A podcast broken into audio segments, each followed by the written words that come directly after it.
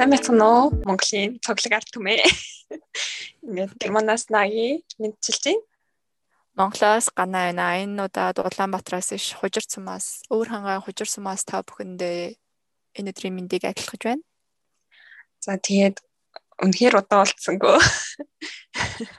Удааны удаа нөө сар гаруй нөө. Тийм. Яг бас дундуур нь нэлээх юм болсон те. Нэг маань корона туслаа, нэг маань шалгалт байлаа.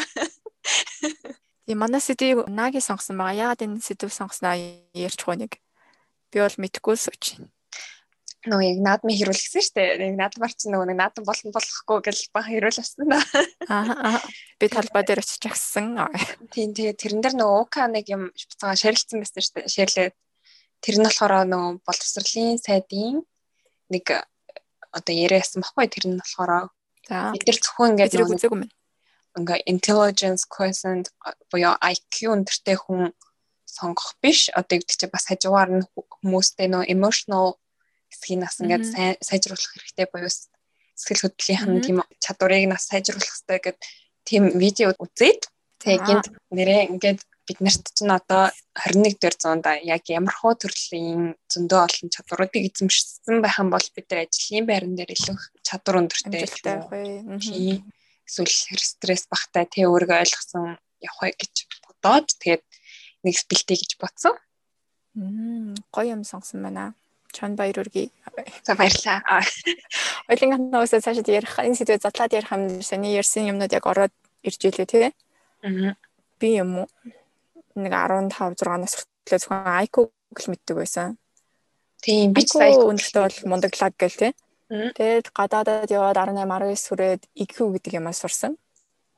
Тэгээд IQ EQ-тэйгээ явжсэн чинь араас нь бүр хар мянган Q-нүд гараад ирсэн биз дээ. Харин тий. За тэгвэл сайхан Q-нүдээ ярих уу?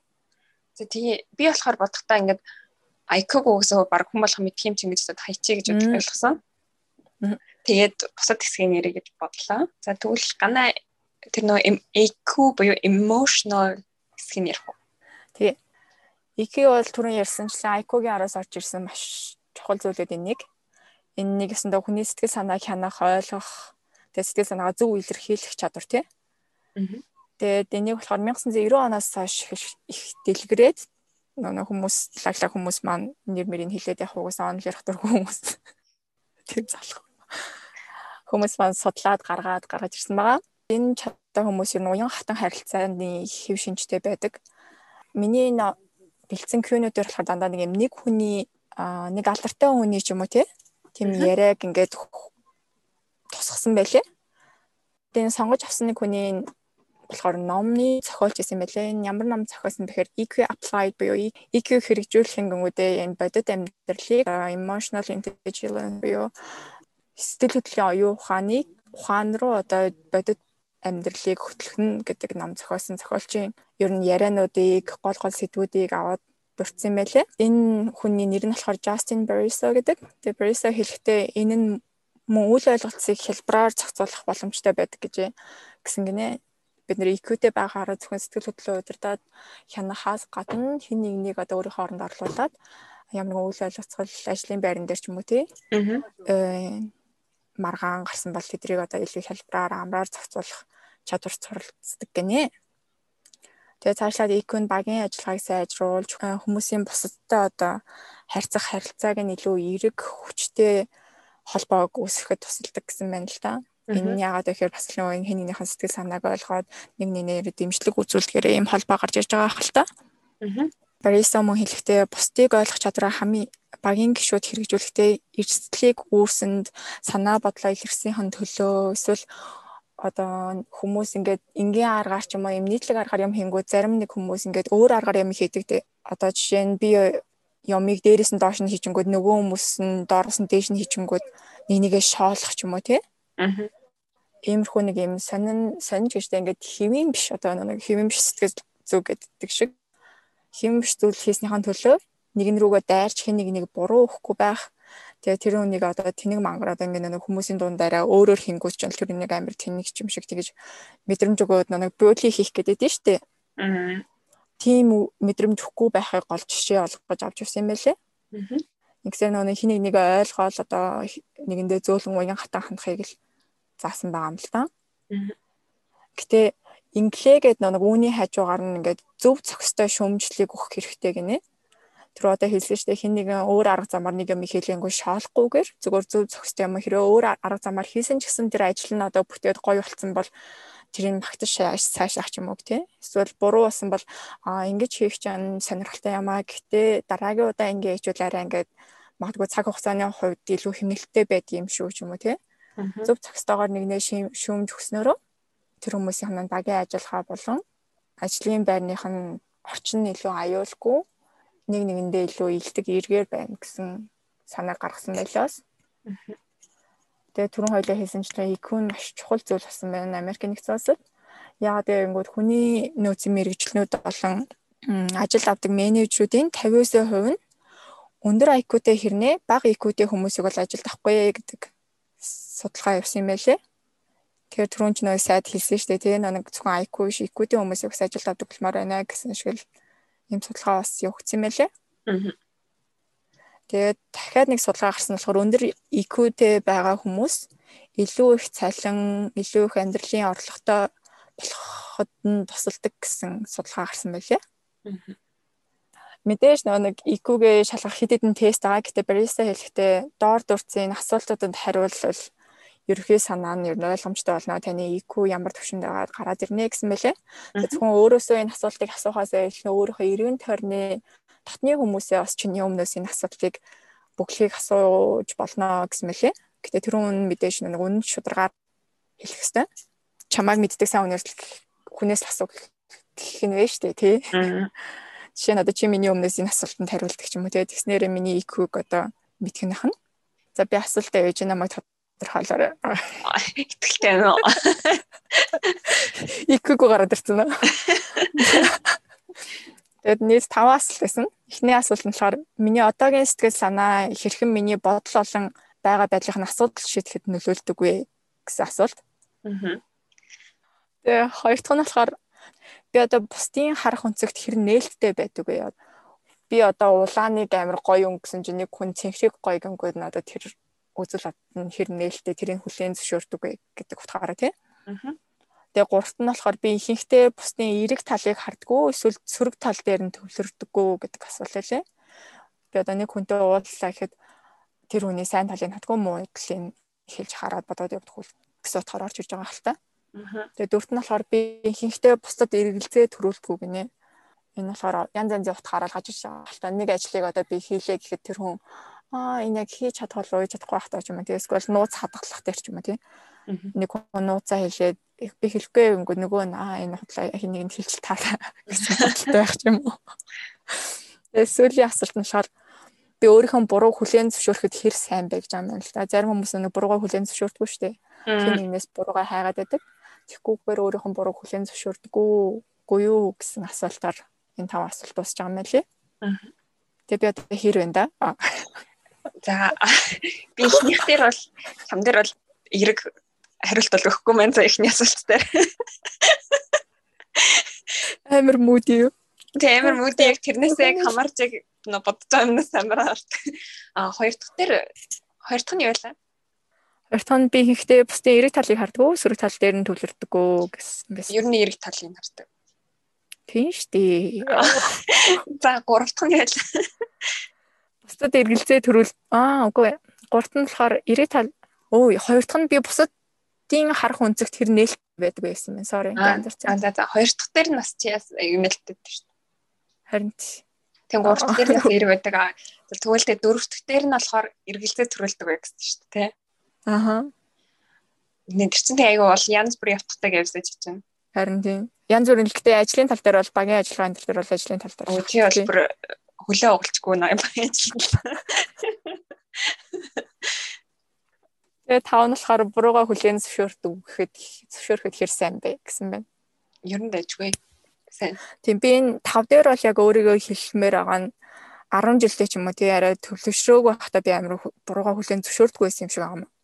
Хин нэгнээс бурууга хайдаг ч юм уу. Үгүй ер нь дандаа 18-аас хойш шүү дээ. За тэгвэл би аваа явуулсан байна хөрх юм. Тэгээд ингээд сайн надад хэллээ шүү дээ тий одоогийн сэтгэл санаа одоо миний бодол болон асуудал шийдвэрлэх гэж гайг болохоор миний бодол санаа амин нөлөөлдөг. сайн бидээ нь болохоор бид хэд энийг сайжруулж алдаг гинэ болчин шиг ингээд тасгал хийдэг шиг. Аа. Энэ яадаг гэхээр зөв тохирсон сургалт дээр та өнийгөө сайжруулна. Яаж вэ гэхээр одоо би ингээд за за сайжруулах арга нь сүүл нь явна заяа. Сүүл нь би хэлээ. Үргэлжлүүлэн манайхыг сонсож байгаарай. Тэгээ хамгийн гоё нь болохоор нэг булчин шиг сайжруулдаг хэрнээ булчингаа сайжруулахын тулд жим явдаг бол би тэр жим явах хэрэггүй би тэр зөвхөн бодлоо удирдах хэрэгтэй. Епи. Тэсээ би бас сүүл хэлсэн шүү дээ. Тэгээ яаж сайжруулах вэ гэдэг дээр явъя л та. Тэгээ хэрхэн IQ-гээ бүтээх вэ гэж аахгүй юу?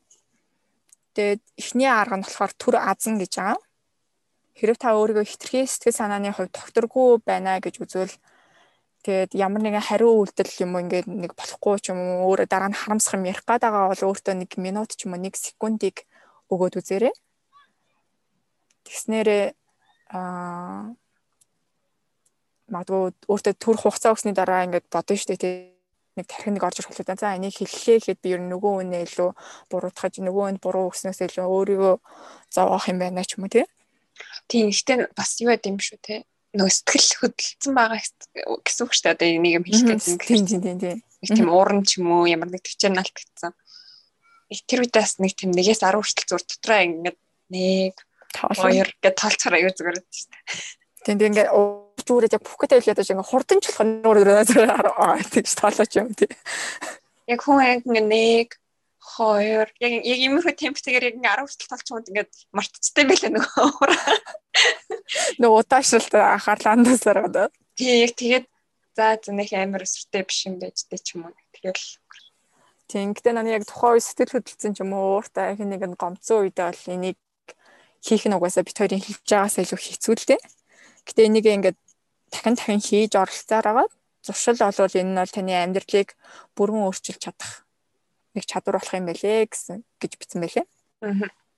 Тий би ягаад тэр сайн нэгээс 10 гэсэн бэхээр энд бас нэг хаяа өвчтөн өвчтөнгөдтэй ингээд дуулсан штэ. Тэгэхээр зарим нь ингээд зэрэг ааштай хүмүүс байна. Тий яг ингээд тэрэн дээр нь би ингээд хиндэ амирх ингээд шууд хариултал үзүүлчихдэг байсан байхгүй ингээд. Аа тэгэл нөгөө бусад ингээд хүмүүс над дээр ирэл тэтэр чи өвчтэй хүмүүс чи чинь ирүүл хүн чи сайн ойлгох хэрэгтэй ч юм уу яг тийм ингээд хэлж байгаа юм л да. Тэгээ би яг дотроос яг бодвол дараа нь яг тиймэрхэн болгоотыг нэгээс 10 хүртэл тоолдог болсон. Оо. Nice түлж зуршилтай болсон шүү дээ зөв. Ер нь л яг уурал хүрэх юм бол за амаа хэмхэл тугааж ижил гэж боддог шүү дээ. За тэгээд дараагийн зөвлөмж нь болохоор өөрийнхөө сэтгэл хөдлөлийг анхаарч үзээрэй гэсэн лээ. Тэгээд энэ яах вэ гэхээр дараагийн удаа хэрэг та сайн юм муу өдрүүтээ ингээд харавал таны сэтгэл санаа одоо бусдад хайрлахад эсвэл таны өөр бүтээлд хэр нөлөөлж байгааг анзаараарай гэсэнсэн. Хэрэг та муухай сөрөг бодлоотой байгаагаа анзаарсан бол а энэ ямар одоо бодол вэ гэхээр жишээ нь би энэ төслийг хизээш цагтан дуусгахгүй юм байна да гэж бодох юм уу тий. Иймэрхүү бодлоод ороод ирвэл энийг эргээр солихыг хичээгээрэй. Жишээ нь түрүүн хоёлоо хэлсэн шүү дээ 10 тоолох юм уу тий. Тэгээ нэг гүнзгий амьсгаад өөртөө нэг юм хором цаг өгөөд үүнийг дуусах энэний одоо дуусах хугацаанд дуусаагүй л шүү дээ. Надад одоо цаг байна. Эсвэл би одоо сараагаас ч юм уу тусламж аваад би энийг амжиж дуусгах нэ ч юм. Тиймхүү эрэг бодолтой байх нь тань маш их тус юм болдог гэсэн мэлээ. Аа. Тэнгснээр танд одоо зөв зохистой шийдвэр гаргах илүү сайхан одоо эрэг бодолтой байхад тусалнаа л гэсэн юм л та. Тэгээ сүүлд өгсөн зөвлөгөө нь болохоор өөрхийн сэтгэл хөдлөлт хариуцлагатай бай. Надад бол энэ энэ хэсэг бүр амар их таалагдсан манай хүмүүс ч ер нь ингээл нэгэнд амар буруугаа өгөөч юм гинт ууралчаа тэрэндээ ямар ч хариуцлага хүлээдгүй шүү дээ тий. Нэг тийм шалтак хайгаад идэг. Бараг л энэ баруун тишээ харж исэн болохоор би энэ рүү ууралсан миний зүг гэх нь бол зүгээр нэг мөрөөрөө сууж байгаа өнрөө уураа гаргачаад. Тий, ерөөхдөө бол өөрөөсөө бурууг хайх хэрэгтэй юм тий. Тий, өөрөөсөө л тий. Өөрөө хариуцлага өөрөө л өөрөө өөртөө л эзэн байх хэрэгтэй. Тэгээд энэ дээр татсан жишээ нь болохоор уулзтын дундуур одоо хин нэг нь таны яриаг таслахад ундууцаж ууралж чадах гэсэн бүр ингээ галзууртлаа уур хөрөхгүй шүү дээ. Тиймээс одоо нэг хитний нэг юм имчилгээний арга байсан. Одоо ч гэсэн энэ явж байгаа. Энэ болохоор та бусад хүмүүсийг хянаж чадахгүй. Гэтэ тэр хүмүүст гаргах өөрийнхөө хариу үйлчлэгийг та хянах чадамжтай, боломжтой шүү дээ гэдэг юм үгээр дуусгасан байлээ. Өгүүлбэрээр ч юм уу. Ингээд манай IQ-гийн хэсэг өндөрлөлөө. А хоёр дахь нь болохоор CQ буюу curiosity quotient. Тэгээ энэ нь болохоор би болохоор сониуч зангийн чадвар гэдэг одоо орчуулдаг юм сониуч ч юм уу ингээд тийм ерөн сониуч юм байна. Энэ нь болохоор ингээд бид нар ингээд хүүхд тахтаа ч юм уу ингээд хөөх гэл ингээд бүх юм ингээд хараад ингээд амар сониучилдаг үе байдаг штэ. Аха. Одоо тэр хэсгийг харуулж байгаа юм л да бид нар том болохоор одоо тэрийг мартчихдаг ч юм уу тэгж нэг сониучрахаа болцдог. Аа жоохон бахта хүүхдүүд юу гэж боддог хүүхдүүд одоо ингээл харахаар хэлдэг шүү дээ. Яагаад энэ ингэдэм юм бол тэг яагаад ингээд тэнгэр юм синхронгтэй юм бол юу вэ юу вэ гэл тий. Тэгэл асуугаал гэдэг бол бид том болох тусмаа бид нар тэрийг ингээ алдсан байт юм байна л та. Аа. Тэгээ энэ нь яг юунд хэрэгтэй гэдэг вэ гэхээр хүн ер нь нөгөө альва шиний юм их сурж шин санаачлаг гаргаж ингээ орчин тойронд болж байгаа өөрчлөлтөнд тасан зохицох чадварт нь нэлээд их нөлөөлж идэг юм л та. Аха. Тэгээ энийг хамгийн анх 2013 онд нэг юм сэтгүүлч Том Фридман гэдэг сэтгүүлчлэр New York Times дээр ингээд нийтлэл бичгтээ хэрэглэсэн юм л дээ. Аа. Энэ нь болохоор юу гэсэн бэ гэхээр одоо энэ цаг үед winner буюу ялагчд тийм сайн явж байгаа хүмүүс маань зөвхөн тийм IQ өндөртэй хүмүүс биш. Хажуугаар нь тэр PQ болон CQ байх ёстой юм л дээ. Аа яагаад вэ гэхээр одоо бид бидэрс өөртөө харж байгаа хэрэг шинэ технологи бидэрт хүүхэд байхад ямар ч тийм гар утас бараг л дүнс гарч ирсэн чинь одоо болсон чинь ингээ смартфон ингээ явж идэг. Амар юм хурдтай хөгжиж байгаа. Тийм энэ үед болохоор шинэ юмыг аягүй хурд сураад тэгээ тэндээсээ ямар нэг шинэ нас өөртөө юм бүтээх ч юм уу те юм санаачлалж ингээ тийм сэтгэхүйтэй байхгүй юм бол бид нар ингээд стрим байран дээр бас ингээ ямар ч хэрэгцээ хүмүүс ингээд юм л та. Аа одоо им шин зүйлүүд ингээд сурж ашигласнаар бас зөвхөн ингээд сураад зөксөхгүй насан туршдаас сурна гэж байгаа байхгүй яг ийм санагдсан. Тий. Зөвхөн эмчийн мэрэгжил сурсаар л ядгүй юм байна шүү манайхаа. Тэгээ сурна гэхээр бас одоо юу гэдэг чинь ном барайл барьж авсан гэсэн үг биш. Яг шинэ юм болгонтой л ерөөхдөө бол тасан зохицоод сурч л байгаа гэсэн үг шүү дээ. Гар утас бид хэрэглэж сурлаа. Аа Тийм тэгээ яагаад энэ зангаа одоо энэ сониуч байдлаа ихсгэх ёстой вэ гэхээр нэг ийм судалгаан дээрээс 2030 он гэхэд дэлхийд даяар 800 сая ажлын байр ерхэд бол байхгүй болно гэж аахгүй. Тэр дэм бүгд автоматжаад бидэрт байгаа давуу тал нь юу вэ гэхээр бид нар яг ийм нөө сониуч ч юм уу те шинийг сэтгэх чадвартай а харин роботууд болохоор тийм юм уу гэнэлтэй. Тэд нар нөгөө нэг одоо 18 онд хийгдсэн робот болохоор 18 оны нэг хүний сэтгүүгээр хийсэн мэдээлэл гэж байгаа тийм. Тэгээд одоо ийм сониуч замтай байх нь болохоор ингээд нөгөө мэдлэгээс мэдлэгтэй байснаас илүү ингээд карьерийг ингээд цааш нь ингээд илүү хурдан явуулахад ингээд тусалдаг юм л та. Аа. Тэнгиснээрээ илүү илүү их ингээд суралцаад ингээд илүү их суралцсан хэрэг бол илүү их ажиллаа хийдэг ч юм уу те ажиллаа хий ингээд юм сураад давхар давхар амжуулаад тийм ажилдаа илүү оролцоотой тэг гүйцэтгэлтэй ингээд холбоотой байдаг болохоор ерхэд бол карьер нь аягүй хурд өсдөг гэдэг. Аа. Шинэ юм сураад байх гэсэн маа ингээд ажил дээр гарч асуудлуудыг ингээд аягүй хурд шийдвэрлэж чаддаг ч юм уу те. Иймэрхүү байдлаар шийдвэрлэндээ ч юм уу нэг тийм юмтай болчихно. Яа сониуч байдал нь хэрэгтэй вэ гэхээр сониуч байдал нь бидний нөө тархийг бэлдэж өгдөг юм байна л да. Хүн ингээд сониуч байхаар хүний ингээд тархины лимб нөгөө шагналын систем гэж ярьж байсан шүү дээ. Тэр нь болохоор идэвхжиж өгдөг юм л та. Тэгээд тэгснээрээ илүү ингээд хурдан ч юм уу ингээд чанартай ямиг сурдаг. Тэгээд тэрний тэрнээраас нөгсөн зөвлөгөө нь болохоор хэрвээ ямар нэг юм одоо сурах эхлэжээвэл одоо 10 минутын өмнө яг өөрийнхөө ингээд дуртай хобби ч юм уу те тэрнийхээ талаар ингээд юм унших юм бол тэр нэг лимбийн систем маань идэвхжээ. Би халаалт өгч штэ орог. Би халаалт. Тий. Тэгээ айгу хурдан юм сурдаг ч юм уу амархан сурдаг юм л та тэр нь. Аа. Санууч байдлаа яаж ихсэх вэ гэд тэрэн дээр бас нэг бас л булчин шиг идэвхжүүлж болно гэдэг чинь. Яг гоо бүр амар ингээ би болохгүй ч гэсэндээ ерөнхийдөө бол хүн тархиа байн шинээр ажиллаж явах хэрэгтэй юм л та. Шин сэдвтэй одоо өөрийнхөө уншдаггүй төрлийн ном ч юм уу кино үзэх. Аа. Тэгээд шинэ хоолны тренд ч юм уу туршиж үзэх. Хамгийн чухал юмнаас нэг Google дэггээр хүнээс юм асуух юм л та. Аа. Google дээр тахаар ингээд бид нар аа за за гэл ингээд аа ингээд юм ингээл зүгээр ингээл аваад тэгэл болчихж байгаа байхгүй. Тэг хүнээс сухаар бид нар ингээд хүнтэй харилцаараа усгаад бас ягаад ч юм уу те ингээд аа тэгээд ингээд ийм гिच юм бол яах ингээд бид нарт өөртөө манаас тоо асуулт ургаж гарч ирээд асуугаад идэм юм л та. Тийм би бас яг тэрийг амар анзаарсан. Ингээд юм Google дээр яг тухайн цагт бол хэрэгтэй мэдээлэл авсан юм нэ. нэг хэдүүлгийнхэн long term memory гэдэг лөө. Удаан хугацааны тийм ой санамжинд орохгүй зөвхөн юм short term богино хугацааны юунд ороод арчигтай явчихсан юм шиг санагдсан. Би тэрний орн яг нэг хүнтэй ярилцаад үгүй амьд хүнтэй харьцаад нэг өөр л мэдрэмж авах байлгүй тий. Тэгэхээр нэг арай өөр байх хаа. Харин тий илүү их санаанд ингээ бууж үлдсэн байдаг шүү дээ. Тий. Хоёр дахь нь болохоор бас нэг гэлэгүй харихтаа өөр замаар харих юм л дээ. Оо тийм үү. Аа ингээ ерөөхдөө бол нөө өөртөө ингээ суулгацсан байгаа юм зуршлууд байна шүү дээ. Би ийм замаар авдаг ч юм уу их тиймэрхүү мэдээ жоохон өөрчлөлт үзэж явах хэрэгтэй юм л дээ. Аа энэ сонирхолтой юм. Тэг гэрлүүгөө өөр замаар явах энэ тайрж явдаг ч юм уу тий. Тэгтээ ингээд өөр юм хараад гэрэл зам гэдэг чи гадаад төрчнөө сайн ажиллах хэрэгтэй гэнэ л та. Зөө ингээд уцаас мэдээд яваад сангийн дулам хөдлөх гээд тийм. Тийм. Аа тэгээ гурав дахь нь болохоор алдаа гаргахад бэлэн байх гэнэ хүмүүс болохоор ингээд нөө за за алдчихвал яхаа ингээд нэг юм хийдгүү штэ ингээд комфорт зонд байгаад байдаг. Тийм. Биш. Ямар нэг юм дээр жишээ нь хүмүүс харилцаан дээр ингээд бид нар нэг юмтай харилцаа одоо чи бид нар нэг өөр өөр санаатай штэ. Нэг юмны талаар өөр бодолтой ч юм уу. Тэнгууд ингээд би чамаас чамайг инста сонио өөр бодолтой ингээд ингээд хаяггүйгээр чи яад юм бодолтой байгаа? Чи яг энэ бодолтой яаж хүрсэн ч юм уу? Тэгэж ингээд асуугаад тэг ингээд сонирхолтой ингээд байх хэрэгтэй гинэ. Аа. За тэгээд ингэж л хэдүүлээ юм сониуч занг юм байдлаа ихсэхэндээ. Хэцүүтэй чи ер нь ингээл хитэлээ даяарч хэлсэн гэдэг шиг амар нээлттэй байгаа л хэнийг нэмийг хүлэн зөвшөөрөл тэгэл тэрийгээ сонирхол яваад гсэн юм шүү. IQ-гээс сэтгэсэн шүү дээ тий. Тийм ер нь бол нээлттэй л хэрэгтэй юм да. Тийм нөгөө хайрцаг хайрцаглагдсан бодол ерөөхдөө бол хоцрогдоод байна шүү дээ. Хоцрогдоод явцсан тийм.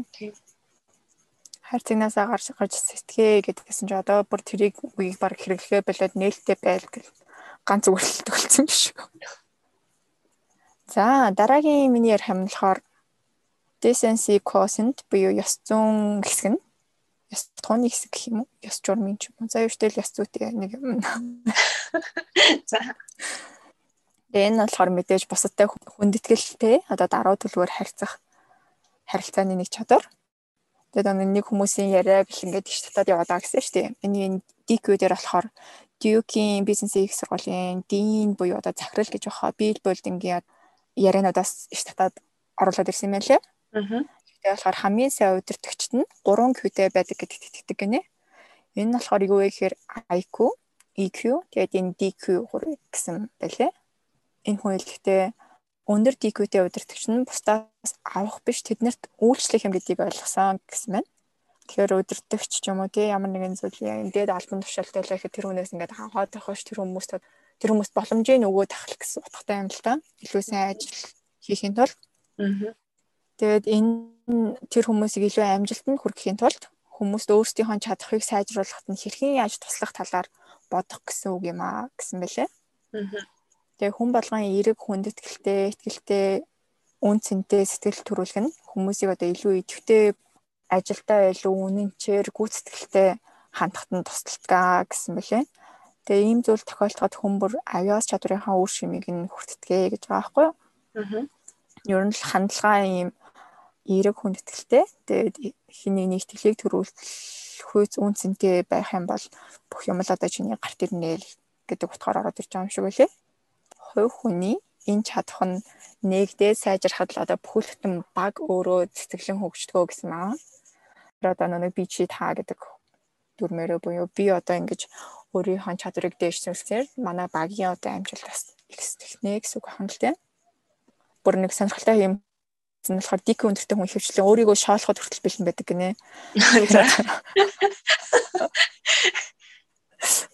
Яс сортхон одоо бүх юм хүндэтгэлтэй ингээд сайн сайхан сайн сайхан штэ хүндэтгэлтэй ингээд дараа төлөв байгаа ч гэсэн бас ингээд хизээ наригдсан гэж юм уу тэг хизээ хүн хөгжөөхөө мэдэх нь бас чухал юм шиг надад санагдсан. Аа агуу баг өрүүлж гайхалтай хүн хүнийг ялтгаа гэсэн байлээ. Тэгэхээр нэг ийм чадвартай нэг ийм чадвартай ч гэжтэй ингээд ийм чадвартай нэлээдэн баг бол одоо нэг маш их гайхалтай хүнийг бол ялахд бэлэн байдгаа гэхээр одоо энэ багийн ажиллагаа багийн тоглолт их чухал хэснийг л надад хэлээд амшиг санагцсан. Түрүүн хэлсэнчлэн хүнлэг даруй байдал нь DQ-гийн нэг томоохон хэсэг. боловсон хүн өөрийгөө төгс биш гэдгээ мэддэг бөгөөд хэрэг тэд эргэн тойрныхоо хүмүүсийн чадварыг бүрэн ашиглал үүнээс ашиг тусыг нь авдаг гэдгээ бас мэддэг гэсэн байгаа. Энэ болохоор бас амар агаац тий. Зүгээр л сайн ашиглана. Надад ёс журамтайгаар ашиглана гэж шүү дээ. Харин хаа намайг ашиглаач гэдэг шиг л та ашиглана гэтээ ёс зүйтэй л гэсэн байгаа байхгүй юу? Одоо ёс зүйтэй гэхээр юу вэ гэсэн үг биш шүү дээ. Тэгвэл одоо маш их ажиллуулна гэсэн үг биш бас нөгөө хэдийн яс ингээд тийм гоё ингээд бас эргэн мэдрэмж өгөнгөө одоо тий өөрийгөө өөрийгөө шолуулан байш ингээд хөгжөөнгөө тэр хүмүүсийг ашиглах гэдэг шүү дээ. Тий. Бас л. Бас хэлэхдээ болохоор нэг өөрийгөө шоолонгоо гэсэн дээр ярихад тэд бас өөртөө тийм ч нухацтай авч үздэг гинэ ерөөсөө юм удирдах байдал байгаа ч гэсэн тэр хүмүүстээ үйлчлэнгээ тэр хүмүүсийг ашиглаад өөрийгөө шоолонгоо өөрийгөө одоо юу ч биш юмгээ биш юмшгээр мэдрүүлэнгээ тэр хүмүүсээс одоо ашиг тусыг аваад улам дэшээ хөгжих чадвартай байх хэрэгтэй юм байна л та. Түрүүн чи хэлсэн шүү дээ нэг 18-наас хойш насыг бол хэлнэ шүү дээ гэдэг шиг биотинг хэлэхдээ болохоор насанд хүрсэн хойно ертөнцийг үзэх үзэмж нь ер нь яг биднэрт яг тагтах сууссан байдаг гинэ. Аа. Ер нь тэрнээс хойш нэг өөрчлөгддөггүй. Тийм ч учраас одоо тэрээр хин нэгний DQ-гийн төвшинг ажилд авах үйл явцын нэг хэсэг болгосон байх нь. Чи өөрөө нэг Duke-ийн бизнесийн сургуулийн дийн буюу захирлан гэсэн шүү дээ. Аа мастер ч юм уу PhD бизнесийн хөтөлбөрт хамбагдах эсвэгчдийг авахта тэрээр одоо сайн дүн ч юм уу IQ харахаасаа илүү хардаг ганц зүйл нь болохоор энэ хүнд одоо дэмжих амбиц байна уу гэсэн маахгүй юу? Дэмжих амбиц гэдэг нь одоо юу юм бэ гэхээр миний амжилт таны амжилт юм а гэсэн үзэл бодолтой хүн. Зөвхөн ингээ амиа хичээ гэж юм уу сайн дүн юм уу сайн мэдлэг аваад байгаа хүн биш. Одоо багаараа хэрхэн ажиллаад бусдыгаа бас хэрхэн дэмжиж сайжруулах чадвартай хүн байна вэ гэдгийг харж ийж ер нь тэр сурагчтай шалгаруулдаг гэсэн байлээ. Тэгэхээр бас л багийн ажиллагаанд бид хэд суралцах хэрэгтэй юм байна гэдгийг би амар сайн ойлгосон. Энэ нас аюу тийм багийн ажиллагаа тэгээ зохион байгуулах чадвар бас байна уу юу? Харин тийм цагаан зохион байгуулах чадвар ер нь юм юмыг болчоод байна л дээ олон Q гараад ирсэн болохоор. Энэ ярилцлаганда болохоор нэг сая хэлсэн шүү дээ миний амжилт бол таны амжилт юм а гэсэн үзэл бодолтой хүн байх хэрэгтэй гэдэг. Тэгээ үүнээсээ гадна мэдээж нүг амбицтай карьертай хүмүүс байх хэрэгтэй. Тэрний хаан хажуу бас юм даруй төлөв хөндлөлтэй байх хэрэгтэй гэж байгаа байхгүй юу? Тэгэхээр ер нь юм юмыг амар баланс хийх хэрэгтэй байх нь л дээ. Ягаад ингэж байгаа вэ гэж хэлэхээр Америкт ер нь тийм хүмүүсэд ялангуяа бизнесийн сургуульч явуулдаг хүмүүс.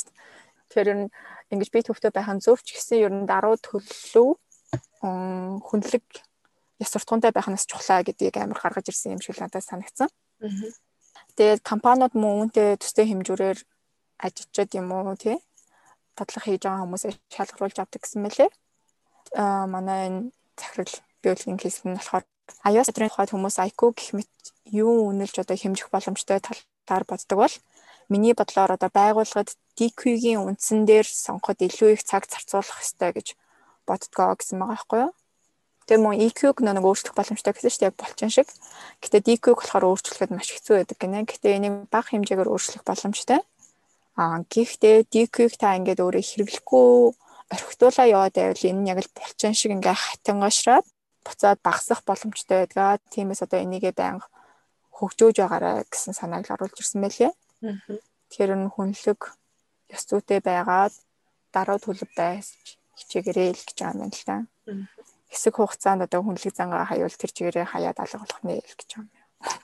Нэг буруу замаар орвол тэгэл ер нь явдаг гэж шүү манайхаа. Тийм. Гэтэ сараад хаад сонирн байж магадгүй л тийм манай ус хөдөлгөөн гişүүдээс харах та. Би манай улсын хурлын гişүүд бүгдээ TQ байхгүй юм шүү. Байхгүй юм шүү. Чи байдаг гэж ингээ хэлсэн чинь бүр донго ороод гисэн чинь. TQ хэрхэн бүтээх вэ гэдэг зөвлөмж маань ороод ирж байгаа. Энэ болохоор бүр надад амар сонирхолтой санагдсан. Яагаад вэ гэхээр олон янзын багийн гişүүдээр өөрийгөө хүрээлүүл гэсэн мэлээ. Энэ нь яагаад ингэж хэлж байгаа гэхээр энэ хүмүүс өөрсдөө өөрсгөө хүмүүсээр хүрээлүүлэх төрөлхийн юм зантай байдаг гинэ. Оо яа яг үн яг үн. Тийм ээ. Хойлож ингээ хоёр гэл бэлцдэг шүү дээ. Харин тийм тэгхгүйгээр агаар таарахгүй байсан ч гэсэн ер нь ингээд юм олон төрлийн хүмүүстэй багтаа бол гинэ.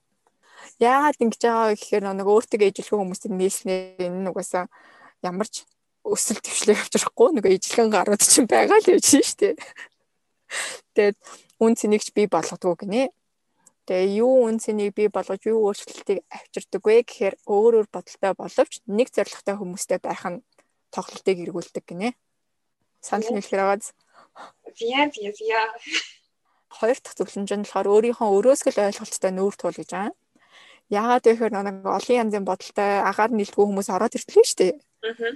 Тэнгүүд чинь бид хэд чинь бас дотроо нэг өөрийн хувь хүнтэйгээ зөрчилдөж эхэлдэг байх нэ. Яагаад тэгэхээр өөрөөсөө өөр үзэл бодолтой хүмүүс ороод ирэнгүү тэр чинь ингээд цаанаасаа хүний оюун ухаан нэг эсэргүүцсэн шүү дээ. Жишээ нь би ингээд надад хамгийн гоё хоол нь пицца гэж бодонгууд л би болохоор юу яриад байгаа бургер штэ ч юм уу тий. Нэг цаанаасаа тийм бодлоод ингээ орж ирэн штэ хүнд чинь. Аа. Тийм болохоор ер нь өөрийгөө өөрөөсөө ийм асуултыг байнга асууж агаарай. Яагаад энэ намайг уурлуулж бухимдуулаад байна вэ гэдэг асуулт гинэ. Яа нэгээс 10 тоолоод яагаад энэ бухимдуулаад байна гэж бодох нь шүү манайха.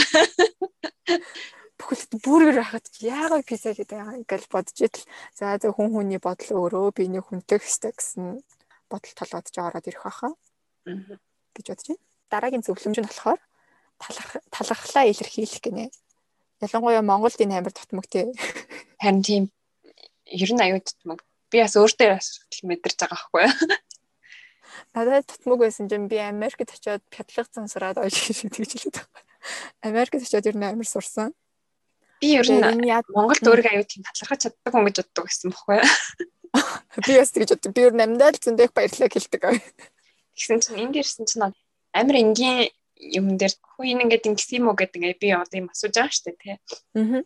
Хамгийн ингэ шинэ одоо номын санд орчоо тий. Оо энэ ном ингээд ингэчтэй юм уу гэдэг ном ном яаж авах юм ч юм уу ингээд асуучлаа дээ. Нөгөө хүн надад хариулсан чинь би болохоор зүгээр аа за за гэж яваад өгдөг. Чи баярлаа гэдгүү юм уу? Би зүгээр тэр чи ирэхэд бол нэг амар сүртэй юм бол биш дээ баярлаа ч юм уу гэж хэллээ. гэж би бол бодож байгаа байхгүй юу? Тэгсэн чинь дараа намаа ингэ зөксөж надаас нэг хүн яриад юм асуусан чи би ингэ хэлж өгсөн чи надаа өө баярлаа гэж тэгсэн чи би бас хөх яна би тэр үед баярлаа гэж хэлээгүй шүү дээ орж ирэх юм. Тэн тиймээс одоо ер нь талхлаа хүнд илэрхийлж сурах хэрэгтэй ахна жишээ нь болохоор энэхүү том төслийг эхлүүлсэн хамтран ажиллагчтандаа баярлалаа гэж юм а тий. Таны хийж байгаа ажил энэ багийн ажил юм чи одоо миний нэг ажил нөгөө бусдаасаас хамааралтай байгаа шүү дээ.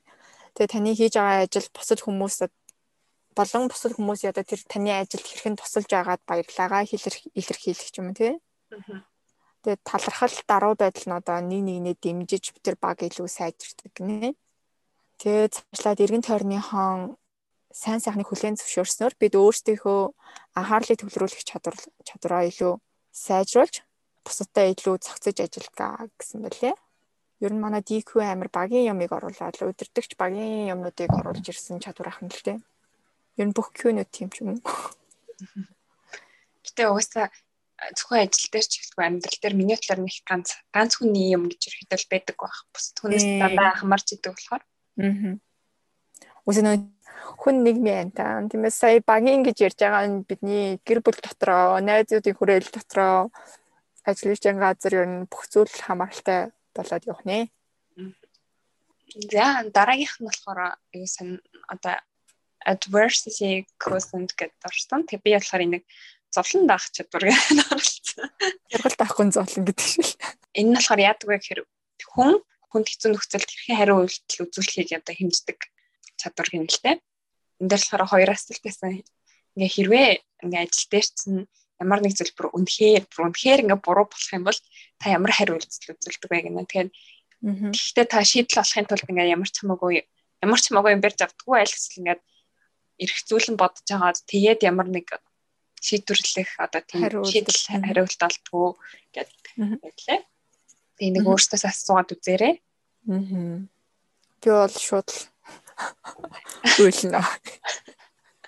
Чи бол тэгэхээр ихэд бол зур шийдэл олохыг ч хүсдэггүй зүгээр байлдаг юм байна. Үйлнгээ 10 толол сууж байгаас. Гэхдээ одоо юу гэдэг чинь яг ямар нэгэн буруугаар иргэдэг шүү дээ. Хаамаагүй юм хийдгүү аль эсвэл ингээ яг бодож байгаа шийдэл гаргадгүй л гэж байгаа. Одоо яг уйлж мөлхнөл тэгээд ихний угсаа хэцгэлээд гэлэх л та. Энэ асуултуудын хариулт нь ерөөхдөө бол таны нөө зовлон дах чадварыг илэрхийлдэг гинэ. Тэгээ энэ энийг хамгийн бас нэг хамгийн анх тэр нөө доктор Паул Столц гэдэг хүн номонд бичсэн байна л та. Аа. Ерөөхдөө бол энэ энэ чадварууд нь багтдаг зүйлүүд нь болохоор аа үнэхээр ингээ бүр ямар ч ингэ итгэлгүй тийм нөө оптимист хүмүүс байдаг шүү дээ. Ингээ юу ч болж байсан оптимист байж байдаг. Аа. Өөдрөө яваад байдаг. Тий. Тэгээ асуудал шийдвэрлэх бол ингээ шинийг санаачилсан эсвэл тийм овсгоо самбаатай тийм хариуцлага хүлээх чадвартай хүмүүс ерөөхдөө ийм чадвар нь өндөр байдаг гэнэ зовлон дах чадвар нь. Аа. Тэгвэл юм байна л та. Тэгвэл тийм зовлон дах нь хэцүү юм болсон ч гэсэн окей, эрэг талыг хараад ч юм уу те. Өөрөө хэрэг өөрөөс нь шилбэлсэн бол хариуцлага хүлээдэг. Эсвэл ингээд шийдвэрлэж болохоор хам бол тэрийг шинийг санаачлаад ч юм уу овсгоо самбатай чаад шийдвэрлэж чадахгүй гэдэг л хэрэг хэдэл харуулдаг юм л те. Аа. Тэгээ энийг яаж ингээ хөгжүүлэх вэ гэд ингээ гарсан баггүй тэгс тэрнээ ингээ core гэд гарсан за C O R E ерхэд бол англиарс нөө их би ч юм уу нэг тэгж орчуулсан тийм. Тэгээд эхнийх нь C нь болохоор control буюу хяналт. Тэгээд энэ нь болохоор цаашид юу ч болсон бай. Та өөрийгөө яаж болно одоо юунд хэрхэн нөлөөлж чадна гэж бодож байна вэ гэж асуулт ингээ өөрөөс асуух юм байна л да. Одоо ямар хэцүү юм ч юм болон а тэрэн дээр ингээд тийм одоо би тим тим юм дээр ингээд нөлөөлж чадна гэх юм бол тэд нар дээр л анхаарал төвлөрүүлэх юм л дээ. Аха. Аа тэгээ дараагийнх нь ownership тэгээ би нэг болохоор ингээд өмчлөл гэдээ явцсан. Гэтэ би яг яагаад нэг ownership гэж нэрлэдэг вэ гэсэн ойлгоогүй. Ингээд тэр нь болохоор ингээд хамгийн хурднаар хамгийн тийм нэг эрэг ингээд өөрчлөлт хийх тулд та хаана болон одоо ямар хуу төрлийн алхам хийх ёстой вэ гэж байгаа байхгүй. Тэг миний төлөө алхам нь өөрийнх нь ownership юм байна гэж би ойлгосон. Тийм тийм. Тийм. Тэг ерөөхдөө өөрөө хариуцаал юм хийх учраас ownership гэсэн юм болов уу? Харин тийм л. Тийм хэн нэгнээс хамааралгүй. Аа. R нь болохоор reach буюу би болохын тэмүүлэх гэдэг хэлсэн. Тэгээд одоо энэ дээр нь болохоор асуудлын нөлөө болон ямар нэг нөлөө гаргаж байгаа шүү дээ энэ асуудал маань тэр нь тэр болон муу талыг ингээд хэрхэн багасгах вэ? Болон энэ зовлонгоос ирж байгаа одоо сайн тал ч юм уу ямар нэг сургамжтай талыг яаж ингээд илүү томсгох вэ ч юм уу ихсгэх вэ гэсэн имийг бодож болох байдаг гинэ. Аа. Сайн руу тэмүүлэх юм байна. Одоо асуудлаа ерөөхдөө бол ингээд 80% нь ингээд муу талтай 20% сайн талтай хам бол 20% нь яаж одоо 50 болгоод 80% яаж тай болох байж нэг тэгж бодох нь. Аа. Дөрөвт нь болохоор endurance буюу төвчээр. Аа. Энэ дээр болохоор яаж ингээд энэ давааг хурдан хурднаар давж гарах вэ гэж боддог гинэ. Тэгээ энэ дөрвийг ингээд асуудал гарангуутыг дөрвөлг ингээд бодож жоод ингээд шийдвэр гаргаад хүнэ. Дөрвөн дөрмийг л таах хэрэгтэй юм байна шүү дээ, тийм. За миний дараагийн ярих хэсэг нь болохоор OK буюу open question. өөхийн чадвар нь танай багийг хэрхэн хамтран ажиллаж холбогдож байгааг харуулсан багийн төвшний хэмжүүр юм а гэсэн мэлээ. Нээлттэй энэ чадвар нь сэтгэлгээ, соёл, дадал хөвшлийг цогцлоож ажлыг урагш хөдөлгөх хүч буюу алхам нь олж байдаг гинэ. Тэгээ хойлонгийн нэг энэ авсан хойлонгийн хаан авсан энэ нийтлэг гаргасан багийнхан болохоор өөртөө амар бардмаар энэ нийтлэлтэй өөртөө оруулаад юу гэсэн бэ гэхээр манай багт ажилладаг хүмүүсийн хувьд бид үнэхээр аз жаргалтай үр дүнтэй баг байгааг нь нууцна. Энэ өөкүй чадвар байгаа гэдэгт юм аа гэж байгаа байхгүй юу? Аа. Энэ оны ихээр тэдгээр хүмүүс нь инженерчлэл, мэдээллийн технологи, маркетинг, хууль эрх зүй, хүний нөөц санхүү, дизайны чиглэлээр ажил ажилдаг Америкийн нэгдсэн улсын 1100 ажилчдаа санал асуулга авсан гинэ. Тэгээ хамгийн өндөр амжилт үзүүлсэн багуудын талаар олж мэдсэн нийтлэг зүйл нь болохоор энэ OK буюу нийтлэлтэй чадварыг одоо багтаа байлгаснаар эдрийн багийн амжилт нь бүр маш ихээр дээшсэн гэж үтсэн байлээ. Энэ чадвар нь яадаг вэ гэхээр сэтгэн бодох шинэ арга барилд нээлттэй байх. Тэг хэрэгтэй мэдээлэл олж авах шууд санал хүсэлтийг нь хүлээн авах нь багийг илүү сайн ажиллуулж илүү их амжилтанд хүрэхтэй холбоотой байдгаа гэж үтсэн байлээ. Тэгээд эсрэг зүйлүүд нь үний юм гэсэн мэлээ ажилчдаас хүнд хэцүү мэдээг нуух нь тэдний сэтгэл санааг бууруулдаг. Тэгээ харамсалтай нь энэ нь ердийн зөвлөмөт байдаг гинэ. Ажилчид болохоор амар нээлттэй зүйлийг хүсдэг боловч компани нь одоо нууцлалтай ч юм уу байдаг гэсэн үг нь шүү дээ. Зөвхөн ажлын газар ч гэр бүлийн байдал дээр ч гэсэн тий ямар нэгэн шийдвэр гаргах болохоор нээлттэй байх нь хин хиндээлээ амар эдга гэдэг утгыг оруулж ирсэн байна. 15 онд хийсэн судалгаагаар ажлын 81% нь аж ахуйн нэгжийн ил тод байдлыг ажлын байрны хөнгөлөлт буюу одоо нийгмийн даатгал, эрүүл мэндийн даатгалаас илүү чухал гэж авч үзсэн юм байна л та. Гэсэн хэдий ч 15% нь л офис доторх харилцааны холбоо нь үнэхээр сэтгэл хангалуун байд гэж мэдээлсэн байна. Тэгээ энэ юу гэсэн үг вэ гэхээр 81% нь юм нээлттэй байдлыг үнэхээр хүсдэг боловч яг үнэндээ 15% нь тийм нээлттэй байдлыг мэдрээ сэтгэл хангалуун байсан гэсэн үг байна л дээ. 81% нь хүсээд 15 нь мэдрээд тэг сэтгэл хангалуун байгаа мó. Тийм. Тэр дөрөв амар байгаас тийм. Үлдсэн 70% нь яаж байгаа тий. Баггүй. Хаалттай. Тэгээ одоо өөкүгээ хэрхэн сайжруулах вэ, хөгжүүлэх вэ гэхээр бусдын үзэл бодлыг сонсох хэрэгтэй. Өөрийн үзэл бодлоо багтаага мөн хуваалцахад бэлэн байх хэрэгтэй гэсэн бэлээ. Аа. Тэгээ дараагийн нь болохоор бусдын нүдэн дээр ямар нэгэн зүйл хийхэд бэлэн байна. Энэ нь одоо алдаа оноо байсан ч хамаагүй. Зүгээр л ингээд ичгүүгээр ч юм уу тийм ингээд нээлттэйгээр ямар нэг юм хийгэрэй л гэж амлалтаа. Сүүлийн зөвлөмж нь болохоор багийнхантайгаа танилцаж нэг нэгнээ сайн мэдэрээ гэсэн мөлий. Цацалгааныхан цагаар ч юм уу тийм ундаа эсвэл кофе аваад амралтын өдрүүдэд юу ийж өнгөрөөснийг асуух ч юм уу. Энэ ярианд он царийн ганц нэг дүрм байгаа. Энэ нь юу гэхээр ажлынхаа талаар ерөөсөө ярьж болохгүй гэсэн мөлий. Талаар кино кофе энэ төрөхтэй. Тийм. Аа тэгжээж илүү нээлттэй байх юм болов гэж би ойлгосон шин. Анхнаас нь тусаад ажиллах бол гинт нээлттэй байлж жоох юм байх. Тэгэхээр одоо анхнаасаа орохдоо л хэдүүл нээлттэй баймаар байна. Тий эсвэл одоо яг гэж айгүй тэмцүүлэх ингээд ингээ айж хорох юм л тий. Гуцсаж аа. За дараагийн хэсгээ ярих уу? За 6 дахь нь болохоор 6 7 дахь нь үсээ гэдэг богино хөө. 6 дахь нь болохоор spiritual intelligence буюу би нэг л сэтгэлийн оюухан гэж нэрлэсэн. Эсвэл сүнслэг оюухан ч юм уу за мэдгүй. Аа тэгээ энэ болохоор ямар ч ингэ нөхцөл байдал ингээ гадаа ч юм уу тэ ингээ өрнж исэн дотоод болон ингээ нөө гадаад амраа маглан ингээ хадгалахын зэрэгцээ одоо мэрэгэн ухаан болон тийм өрөвч сэтгэлийг сэтгэлтэй байхыг хэлдэг гинэ. За Гэгэрлийн зам руу орох юм шүү. Ер нь гэгэрл харин тийм. Мэрхэн ухаан бол өрөвч сэтгэл нь ерөөхдөө энэ чадварын тулгуур байна л дээ. Ааха. Мэрхэн ухаан гэхээр яг ямар ухааныг хэлэх үү? За ээж одоо нэг яриад та танд тэгээд өөрсдөө тийм болохоор тийм миний ингээд уншснаар болохоор ингээд хүн өөр өөрийнхөө ертөнцийг болон өөрийнхөө амьдралын зорилго үн цэн тийм өөрт чухал зүйлс болон тийм тийм үнцэнэ үнцэнтэй зүйлээс шатлаад тэгээд өөрийнхөө хувийн бас нөө эгогоо ойлгосноор биеийг илүү ингээд өөр талаас нь хараад өөрөөс илүү ухааждаг ах нэ. За өөрийгөө таньж мэдсэн болохоор ингээд сэтгэл одоо бидний тэр spiritual intelligence нь болохоор илүү их ингээд өсөөд илүү их зоригтой амьдардаг үнэт зүйлтэй алсын хараа бол бичлэг өмшөлтэй амьдардаг гэнэ. Аа. Би тэг энийг бол нэг амарсан бол би бол ойлгоогүй. Гэхдээ ерөөхдөө бол миний ойлгосноор хүн ингээд одоо өөрөө өөрийгөө таньж мэдснээр илүү ингээд миний бодлоо илүү ад жаргалтай амьдрах юм болоо гэж ойлгосон.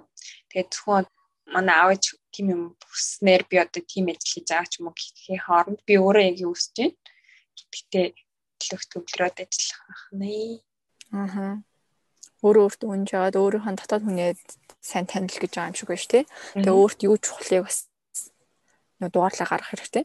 Тийм шатарна. А сүүлийн болохоор PQ буюу physical intelligence. Энэ яадаг вэ гэхээр ерөөхдөө бол бид нар өөрөө өөрсдийнхөө биеийг илүү ингээд ойлгоо. Би мах одоо ямар мессеж өгч нэг тийг ингээд мэддэг болох гинэ. Хамгийн ингээ ингийн шин өвдөлт, өлсгөлэн, ч юм уу сэтгэлийн хямрал, ядаргаа бухимдал бид нар ингээд заахан өлсгөлэн бол ойлгоцдог. Тэгээ өвдөлтийг бас бид нар мэдэрчдэг. А гэхдээ сэтгэлийн хямрал, ядаргаач хөндлийг бид нар ерөөхдөө л ингээд ах гэд нэг тооддог ч юм уу. Хөл тоосон байдалтай тий. Аа. Гэдэг. Тэнгиснэр илүү би өөрөө өвддөг ч юм уу болдог гинэ. Ерөөхдөө бол оюун санаа бол бие махбод хоорондын хоорондын холбоог ойлгоод тэндээс нь яаж өөрөө одоо эрүүл амьдрах уу ч юм уу эрүүл хөдөлгөөн амралттай ингээд бие эрүүл байх уу гэдэг дээр ордог юм л дээ. Аа. Эрүүл биед саруулах оршин шүү монголчуудаа. Би монгол хүний саруулах ухаанд итгэдэг. Тийм тэгээ саруулах ухаантай байхын тулд эрүүл биетэй байх нь. Тийм. Чи сая хэлсэн нэг сэтгэлийн хямрал би мах бодоо ойлгох хэрэгтэй гэсэн шүү дээ. Жишээ нь нав дээр нэг жишээ авахад би маш сайн ойлгоод үзвэл нь болохоор би амар стресстэй сэтгэлийн хямрал ч юм уу тэгээ стресстэй үеэр нь ходоод удаж эхэлдэг. Аа. Тэгээд л арга хэмжээгээ авч эхэлдэг те. Гэх мэтчлэн юм. Тийм. Гэх мэтчлэн ер нь биеэ сайн чагнаад гэтээ чагналаа гэдэг нэг жоохон юм өвдөнгүүд яолоод байдаг гэсэн шүү дээ. Тийм бүр тийм нөө нэг хипохондритой болж болохгүй. Аа. Тэгээс хитрхи гүргэр ээж болохгүй. Гүргэр Яснараа өөрийн улам зугаатыг би би дээрээ мэдэрсэн учраас учраас битгий гүргэрээ та нар.